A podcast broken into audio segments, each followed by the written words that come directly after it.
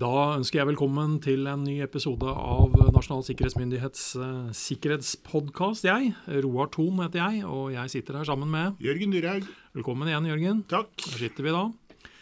Uh, uten ansatte stopper Norge. Ja, det tror jeg vi kan være enige Ja, om. yes. Men uh, er ansatte en sikkerhetstrussel, da?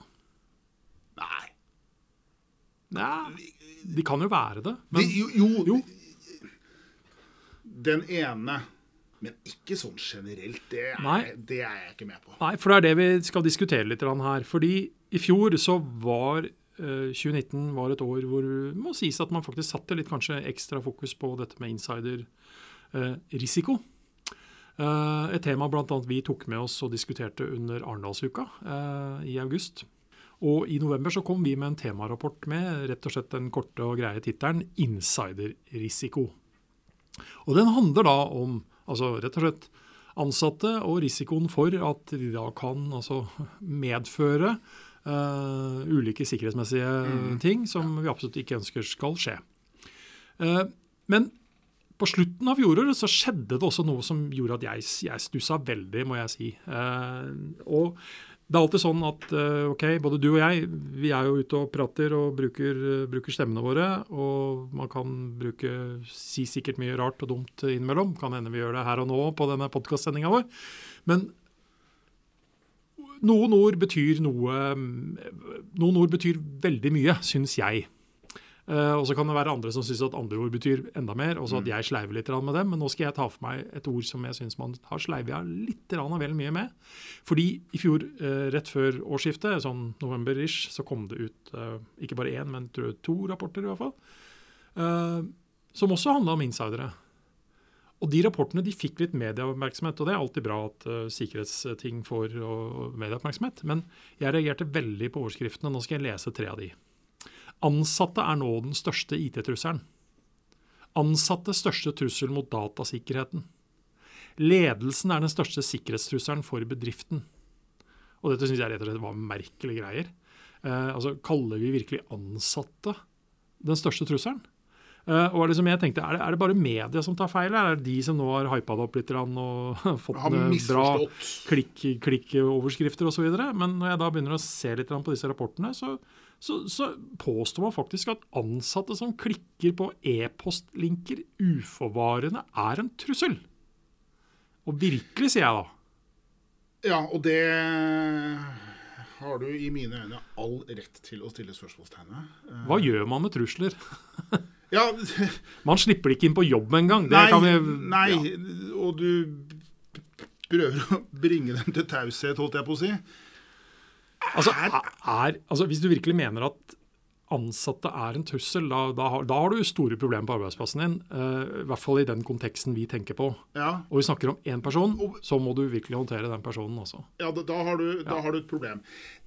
Jeg mistenker jo at man her eh, blander sammen begrepene sårbarhet eh, og trussel. Ja, Eh, Og risiko. og risiko. Eh, Ansatte kan utgjøre en risiko. Det er egentlig hovedpoenget mitt. Fordi vi som mennesker vi har en rekke sårbarheter. ja, Vi er av og til eh, ikke i stand til å konsentrere oss så godt som vi burde. Vi kan være egoistiske, vi kan være illojale, miste huet, ha en dårlig dag på jobb. kunnskapsløse. Ja. En rekke forskjellige ting. Som vi sånn sett sier dette er, Vi er, vi er er mennesker. Vi er, men- er menneskelige mennesker. svakheter, Ja, ja. Og det er sårbarheter. Og så er det en risiko for at de sårbarhetene kan utnyttes. Utnyttes. Ja.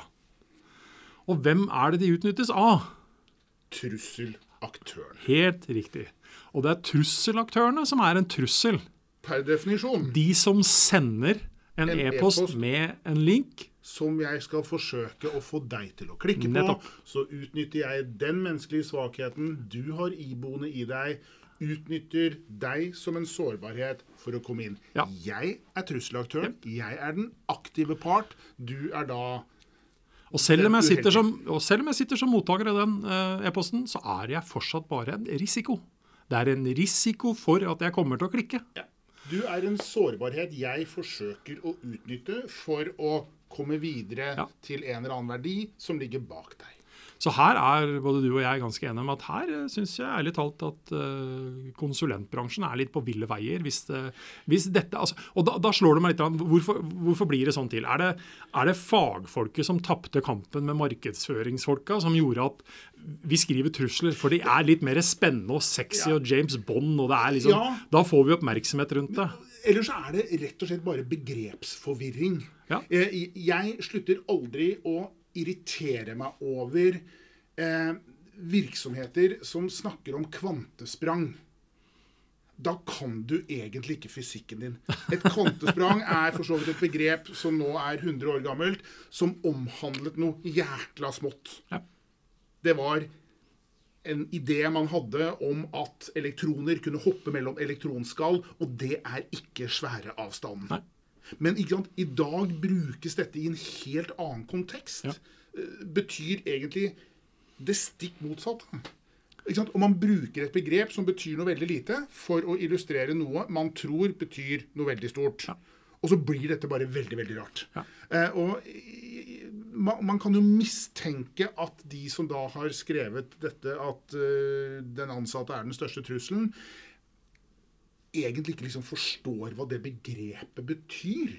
Nei, men Det, det syns jeg i seg sjøl er bekymringsverdig. Det, det er Fordi altså, Hvis vi skal bruke disse ordene og jeg må si at jeg, eh, når, jeg, når jeg så noe av dette her og begynte å se på vår egen rapport, så var jeg så glad for at vi faktisk har kolleger som da har vært veldig sterke og klare i vår insider-risikorapport om forskjellene her. Altså, bare ta et eksempel. Jeg har vært, jeg har vært uh, politimann på gata, for å si det sånn. Og jeg har blitt utsatt for trusler. Mennesker som har sagt alt fra at jeg skal slå deg ned, til jeg skal drepe deg og rekke sånne, sånne ting. Allikevel er det forskjell på de truslene. Ja. ja, de er framsatt. Ja. Det var utrolig sjelden at man faktisk da endte opp med å anmelde sånn, fordi det bare er et tomt ord som ikke mm. betyr noen ting. Uh, og i en juridisk forstand så, så, så, så, måtte det faktisk også være noe mer bak det for at, at jeg sånn sett da, som, som, mottaker av det, ikke turte å gjøre et eller annet basert på at jeg fikk denne trusselen mot det. Skulle mer til. Mm. Uh, så, det, er, det, er, noen ting vi Jeg mener vi må forstå det. Men, altså, men igjen, uh, er, liksom, er trusler veldig sexy og spennende å snakke om? Uh, og sårbarheter det er liksom sårbarhet og risiko, det er litt sånn kjedelig og traust. Ja, det er litt sånn satt. Ja. Det er litt sånn øh, Kanskje det kjedeligste man kan snakke om, kan man jo få inntrykk av. Og du har sikkert erfart, akkurat som meg, eh, når man er ute og snakker i en virksomhet f.eks., så er de opptatt av liksom, hva er truslene. Ja. Hvem er det der ute jeg skal forsøke å forsvare meg mot? Jeg, jeg, får, forslag, jeg får forslag til tittel på foredragene mine. Ja. Uh, kan du komme og snakke om uh, uh, altså den digitale trusselen? Ja. Så ja, det kan jeg gjerne gjøre, men jeg vil gjerne ha med ett ord. Den digitale trussel- og risikobildet, mm. altså mm. som sådan. Ja. Fordi altså, det gir dere ingenting at vi altså, Ja, selvsagt er det smart å skjønne hvem trusselaktørene er, hvordan de jobber og tenker osv. Nei, de kommer til å være der. De kommer til å være der. Du må leve i det. Du er nødt til å gjøre noe med sårbarhetene dine, yes. basert på vurderingen av risiko for at de utnyttes. Yes. Og, det, og det, det, er et en sånn et fokusflytteoperasjon som ikke alle mentalt er helt i stand til å forstå. Nei. At det er egentlig de sårbarhetene du i din virksomhet samlet, og de er teknologiske, de er menneskelige, de er prosessuelle. Det er alt du egentlig har å spille på. Det er den eneste spaken du kan dra i. Og hva skal jeg si, dra den ned til et nivå hvor det totale risikobildet er til å leve med. Ja. Verdiene dine skal du liksom ikke tukle med. De er verdifulle mm. av en grunn. Trusselaktørene ligger utenfor din rekkevidde. Eh, de får du ikke gjort noe med. De er sjelden i nabobygget. De kan være hvor som helst det er liksom å forstå at det er dine egne svakheter du er nødt til å ta tak i. Ja. Så, så, her så ønsker vi oss egentlig at vi kanskje er litt flinkere til å bruke riktige ord om Riktige ord på riktig situasjon. Ja. Og det er klart at er, er den ansatte en trussel, så skal det håndteres ganske klart. Uh, altså, da, altså, Hvis du skal gjøre noe med det, så ikke, slipper ikke personen til på, jobb, på jobb. Nei, uh, og, og, og, trusselen er da at vedkommende har sagt at når jeg kommer inn på jobb i dag, så har jeg tenkt å slette alle dataene som jeg har tilgang til. Ja, det, det, er en trussel. Ja, definitivt.